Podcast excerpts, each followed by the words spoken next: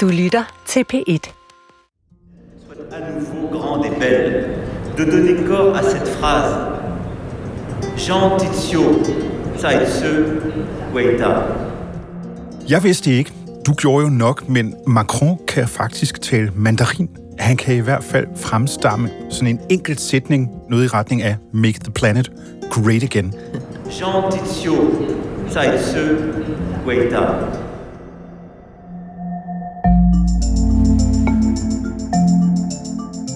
Mit navn er Michael Reiter, og jeg er udenrigskorrespondent her på DR. I begyndelsen af året, der måtte man rive en stor lejlighedsbygning ned ved den franske Atlanterhavskyst. Den var simpelthen fortruet af den stigende vandstand. I foråret, der var der tørke i det ganske franske land, så klimakrisen, den nager altså også i Frankrig. Og det er måske ikke så overraskende, at præsident Macron har skrevet bekæmpelsen af den på sin efterhånden lange lange, lange to-do-liste for ting, som han lige skal have styr på, ikke bare i Frankrig, men på hele planeten faktisk. Men hvordan takler man lige vores tids nok største udfordring? Kan det måske være den franske atomkraft, der skal redde kloden?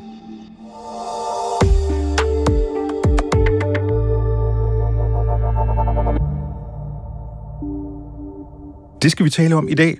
Stephanie Suryk, Oui. du er DR's Grand Dame, tror jeg, man må kalde det, må man ikke? Jo, det må man gerne. Ude i alt, hvad der har med La France at gøre, og derfor så har du sat dig i gæstestolen, og jeg har lånt din værtsstol, sådan at vi sammen kan udforske lidt mere omkring Macrons verden. Og hvor tit får man lige fornøjelsen af at høre en fransk præsident folde sig ud på chinois? Ja, det tror jeg kun er den her ene gang. Altså, det var jo øh, det her famøse statsbesøg i Kina i april, som vi talte om forleden. Der holdt Macron øh, en tale om klimakampen, og han havde jo lært sig den her sætning uden ad, Jean, c'est comme Jean quoi.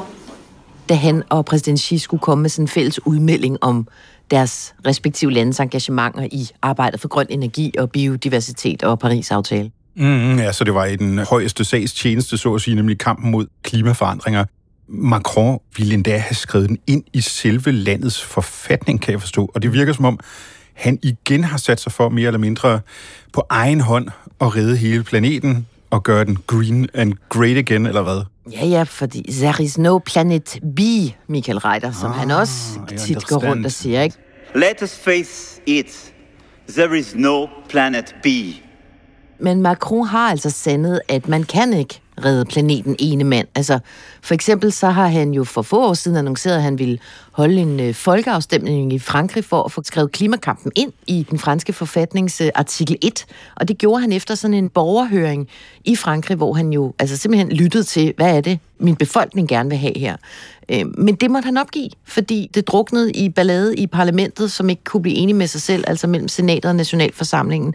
Og det må bare desværre sige sig igen være et eksempel på et af hans mange fremsynede idéer, som han har svært ved at få de andre til at synes er en lige så god idé, som han selv synes, i hvert fald i det tempo, han synes, folk burde reagere i. Men oui, der aftegner sig et mønster. Mm.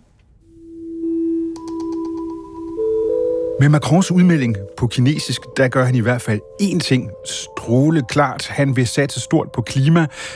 Det er også til dels noget af det, han gik til valg på.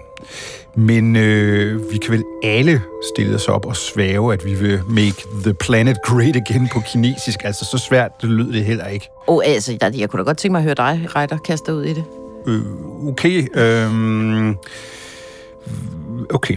Øh, Yang Dicho Saito Vaida. Her burde vi jo ringe til vores gode kollega Philip Rowan for at få en afgørelse. Jeg men godt jeg, sige du for- får point for modet. For nylig, der holdt han mig hen i halvanden time, fordi jeg konsekvent udtalte navnet på en kineser forkert i et indslag. Så lad os lade være med det. Men hvor meget gør Macron i virkeligheden for at nå Frankrigs klimamål? Han gør rigtig, rigtig meget, men det er også en svær opgave, han er ude på. Da Macron blev genvalgt som Frankrigs præsident sidste år, der var Frankrig som det eneste EU-land, vel at mærke efter fem år med Macron ved posten jo, det eneste EU-land, som var bagud med udbygningen af sin vedvarende energi i forhold til de her franske EU-forpligtelser om at nå 30 procent i 2030. France is lagging behind on its environmental goals. That's a verdict of the country's High Council on Climate. Men han har fået indført, en masse ting, som rammer direkte ind i CO2-regnskabet og direkte ned i franskmændenes hverdag. Altså, og nu tager jeg bare sådan et par lavpraktiske eksempler, man kan tykke lidt på i Danmark jo ikke. At man har fået indført et forbud på indrigsflyvninger, hvis man kan tilbagelægge den samme strækning i tog på to og en halv time. Frankrig er jo trods alt også et stort land, og det betyder, at nu flyver man altså ikke længere til Lyon eller Bordeaux. Så må du tage hurtigt toget. Kan man så det? Ja, det kan man. Det her, det gælder sig altså også kun strækninger, hvor togene kører, ikke bare til tiden, men også ofte. Altså, trods alt for, det skal være øh, nogenlunde nemt. Jeg har altså taget den der tur, både i fly og i tog. Det er simpelthen også, altså, det føles mere effektivt i tog, udover at det jo så tæller nu som et led i Macrons klimakamp. Andre måske små ting, men det trækker fra, som sagt, i CO2-regnskabet, og det gør noget ved franskmændenes hverdag. Forbud mod frugt og grønt i plastikamballager. Det er væk fra supermarkederne. France has banned the use of plastic packaging for nearly all fruits and vegetables sold in the country. Du kan ikke længere bestille noget mad på en app eller gå ned på McDonald's og så få plastiksugerør, engangsbestik i plastik. Du kan ikke hente dine takeaways, nogle plastikbokse. It's over and out. Til gengæld så får man øh, rabatter, man får hjælp fra staten eller kommunen, hvis man vil købe sig en cykel, hvis man vil købe sig en elcykel, eller hvis man vil købe sig en elbil. Så der er en meget, meget lang række konkrete tiltag, som er vedtaget og implementeret og er i fuld gang. Men resultaterne fra hans første embedsperiode har bare ikke været super imponerende. Han holdt jo for eksempel ikke det løfte, han gik til valg på forrige gang, altså i 17, om at lukke franske kulkraftværker, og han har heller ikke stoppet, som han lovede dengang, nye tilladelser af udvinding af gas og olie. Så, men altså, hvor stort et klimaproblem har Frankrig regulært? Altså, hvor stor en klimasønder er Frankrig? Jamen, altså, når du spørger på den måde, så kan jeg sige, at Frankrig er en klimasønder 52 i verden. Altså, Frankrig udleder årligt 9,7 ton CO2 per indbygger. Og det lyder som et lidt flagrende tal, så vi har lige slået os selv op og et par andre lande. Danmark udleder 12 ton CO2 om året. Mm. Altså meget mere end Frankrig. Og hvis vi sammenligner med USA på de her klimaskadelige drivhusgasser, så udleder USA altså 21 ton CO2 om året. Så altså Frankrig ligger ja, vel knap nok hederligt, selvom Frankrig ligger markant bedre end USA, og også Tyskland og Danmark. Men nummer 52 i verden matcher jo ikke Macrons eller EU's ambitioner. Men Macron har ambitioner. Han har jo meldt ud, at han vil gøre landet klimaneutralt inden 2050. In building a better future for our children, which requires offering them a planet that is still habitable in 25 years. Og i den forbindelse har han sådan et kort i ærmet, som han meget gerne vil spille. Et, som mine tyske landsmænd traditionelt elsker at have. Hvad kunne det være? Hvad er hans hvor- yndlingsenergikilde? Han er jo pjattet med atomkraft.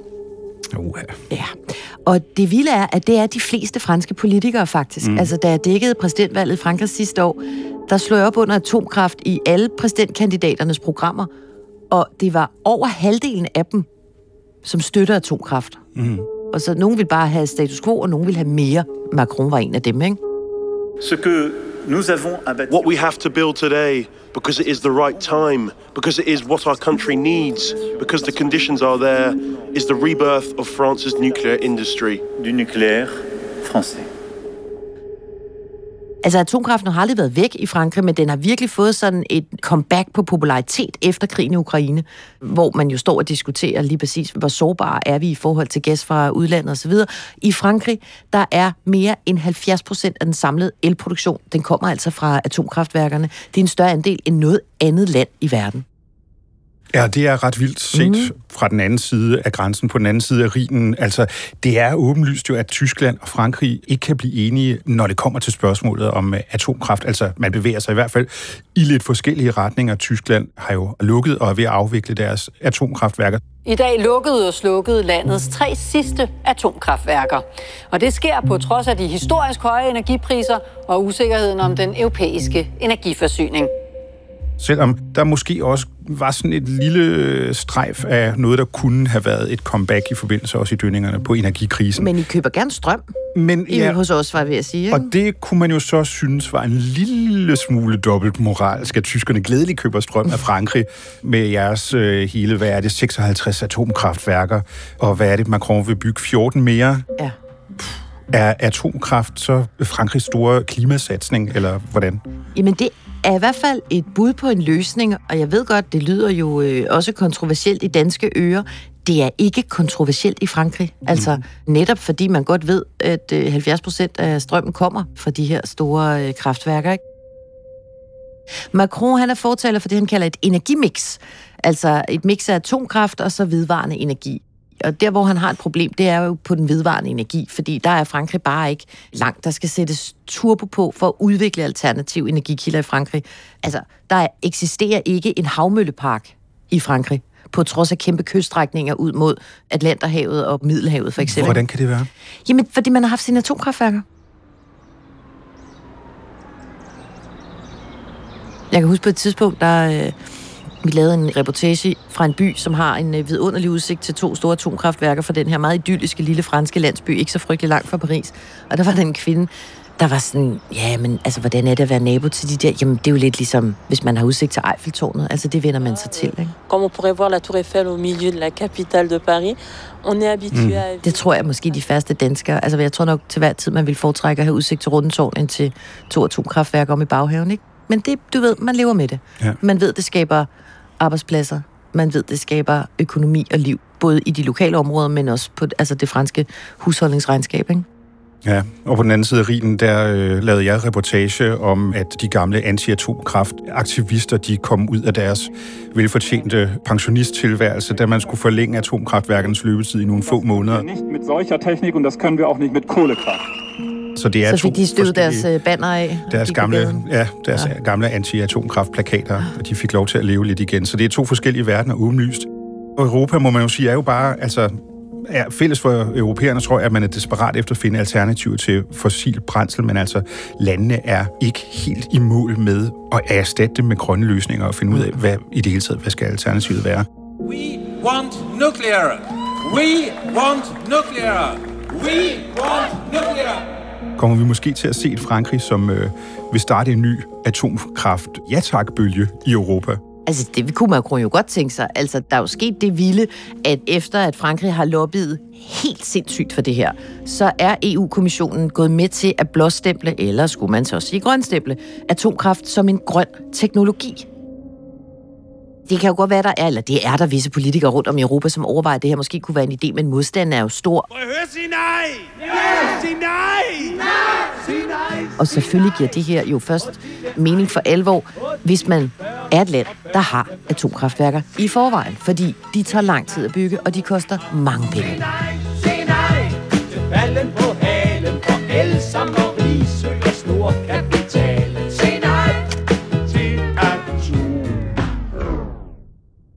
Nu er der en ting, som jeg ikke lige forstår. Altså, vi har en Macron, som står i sin øh, grønne superhelte spandex-dragt og vil redde planeten, men den seneste udmelding fra Frankrig lyder så til gengæld, at man vil ja, hive i håndbremsen på klimaområdet, hvis mm. jeg forstod det rigtigt. Det lyder jo helt skævt.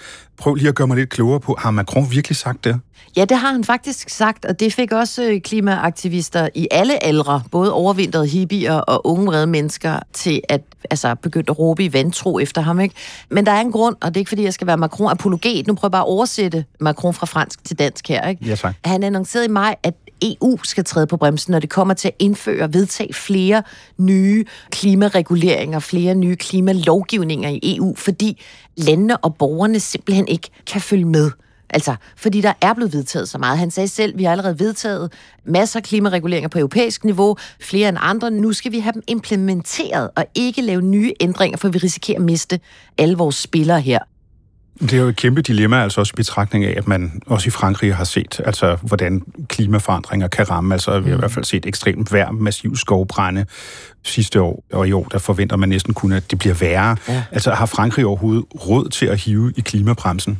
Altså det korte svar er jo nej, men der vil Macron så også polemisk, og det er jo verden set med hans øjne, vi forsøger at hitte rundt i her. Han vil også sige, at Frankrig ikke hiver i bremsen ved at komme med de her meldinger på EU-plan, men Frankrig tværtimod sørger for, at det, der er vedtaget nu, bliver implementeret ordentligt.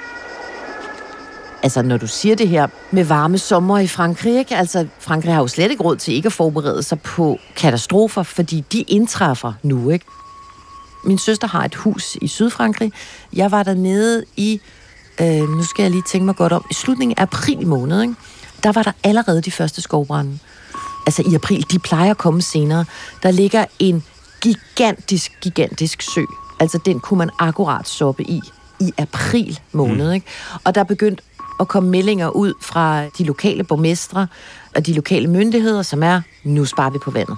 Og vi sparer ikke bare på vandet. Altså, vi ser mod en sommer, hvor der er reguleringer på, hvor meget vand må du bruge på dagsbasis, hvor meget må du bruge til at gå i bad. Må man tage dig ned, når man har en dejlig sommerferievilla i Sydfrankrig og have en swimmingpool med vand i? Det begynder de også at lave indgreb i. Ikke? Og jeg ved godt, det er sådan nærmest anekdotisk og småtingsagtigt, men altså, jeg vil sige, når man rejser gennem et fuldstændig udtørret, som jeg gjorde i april, sydfransk landskab, der ligner noget fra slut juli, allerede i april måned, med skovbrand og tomme søer, og Frankrig begynder at gøre alle deres bombardierfly, altså de her... Brændslukningsfly. Ja, tak. Ja, brændslukningsfly klar til at fylde himlen hele sommeren, ikke? Så er man jo ikke i tvivl om, at nej, Frankrig har ikke råd til at træde på nogen klimabremse overhovedet. Mm. En lang rød løber rulles ud foran det majestætiske palæ Brongniart i Paris i slutningen af juni i år. Hele 55 statsoverhoveder går op ad den røde løber. De er indbudt af præsident Macron til det internationale klimasummit New Global Financial Pact Summit i Paris. We do ask everybody to share the burden so that we can share the bounty. Her var beskeden fra præsidenten, at der skal fokus på at finde penge til løsninger, der kan redde kloden. Det skal ske i fællesskab med nogle af de lande, klimaforandringerne har ramt hårdest. Og samtidig så skulle man takle den stigende fattigdom rundt om i verden nok at se til. Ambitiøse mål, men øh, hvordan vil Macron lige klare skærne her? Jamen, han havde jo øh, som altid nogle idéer med øh, i lommen, det er klart, fordi hele det her topmøde handlede sådan set om, hvordan man gennem det, som øh, franskmændene kalder innovativ finansiering, kan skaffe penge til grønne formål på nye måder. Ikke? Og for eksempel et konkret forslag er at indføre en øh, global CO2-afgift på skibsfarten. Mm-hmm. Øhm, og det var noget, øh, som for eksempel Danmark støttede, og mange andre. Det blev der taget positivt imod. Så det er jo en ny måde igen at få skaffet flere penge til at få lavet en bekæmpelse af klimaforandringerne, og det er penge, der skal sættes i arbejde i løbet af i år eller næste år. Ikke? Som vi talte om tidligere, så er den her franske idealistiske reformelskende nørd, som Macron jo er, ukulig nok til at blandt andet at lægge sig ud med diktatorer, når han har en plan. Og samtidig med, så hører vi her, at han forsøger at takle menneskehedens allerstørste udfordring. Tror du, det rent faktisk kan lykkes for Macron øh, ligesom at lægge en fælles linje for de skridt, som verdens lande skal tage, når det kommer til klimakampen? Og er atomkraft en del af hans grand plan? Mm. Hvis vi lige tager atomkraften først, ja, det er helt klart en del af hans store plan på Frankrigs vegne. Øhm, og det er jo også et øh, tilbud, kan man sige, Macron nu giver til resten af Europa, efter han har fået bøffet EU-kommissionen til at stemple atomkraft som grøn energi, eller noget, man i hvert fald skal lave grønne investeringer i. Kan han finde en fælles linje? Kan han få anlagt den? Det korte svar er nej, det kan han jo ikke ene mand. Men hvis nogen skal være med til at få skubbet det her tog fremad, så skal det være vores Duracell-kanin af en fransk præsident, ikke?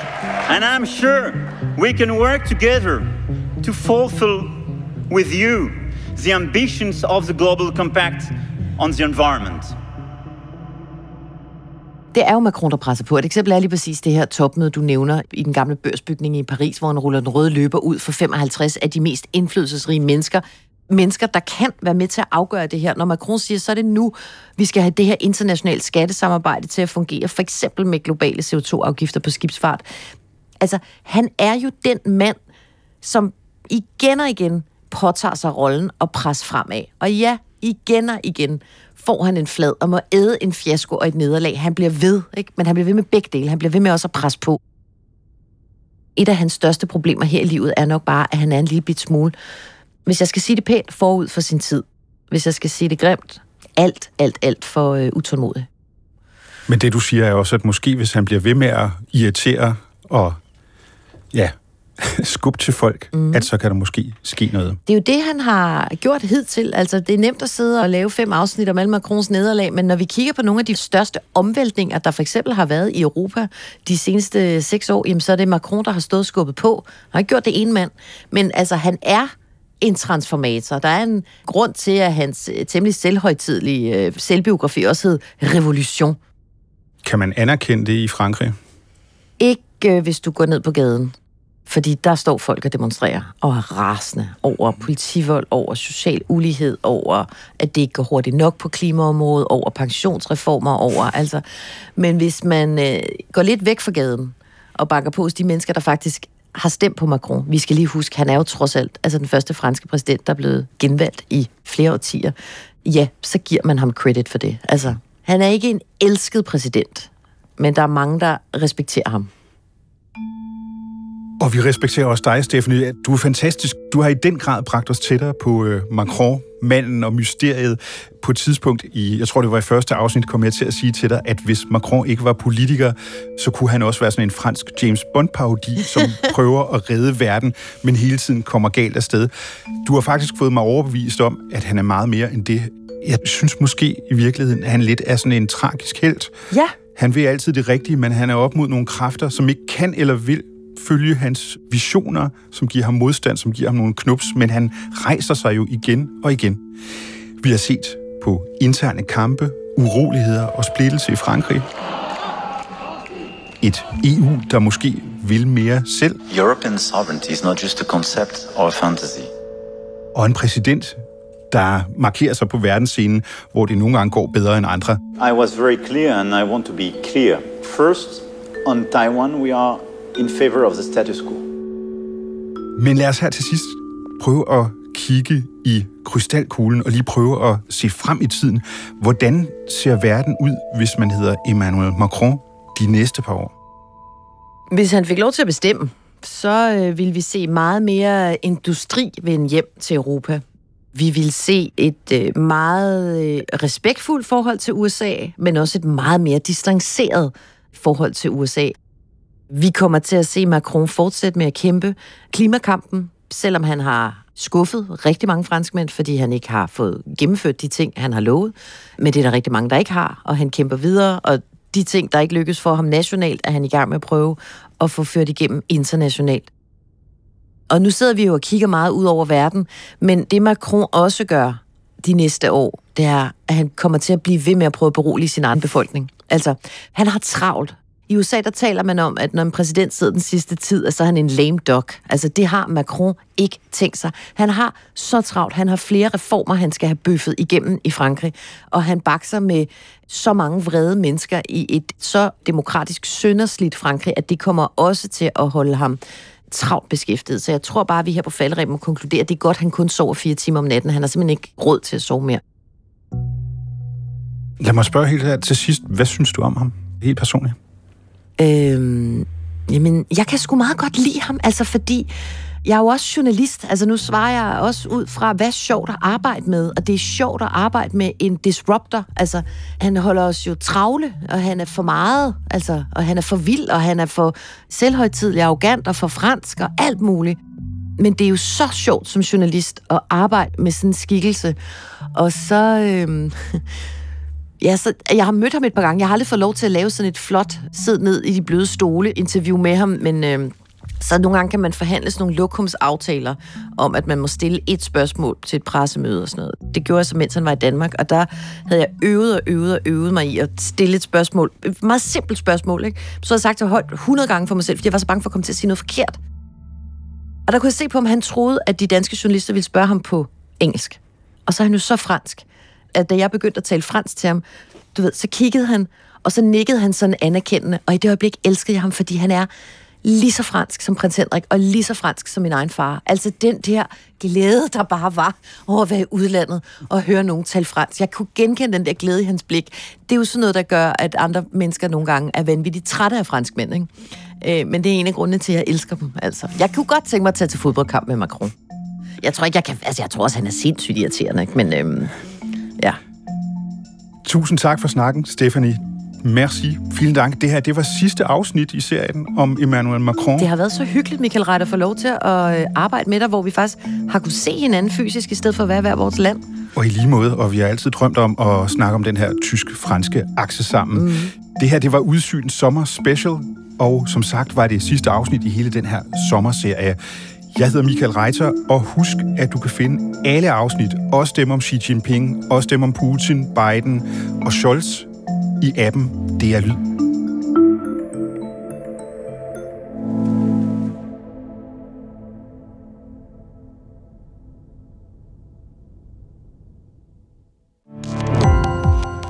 Gå på opdagelse i alle DR's podcast og radioprogrammer. I appen DR Lyd.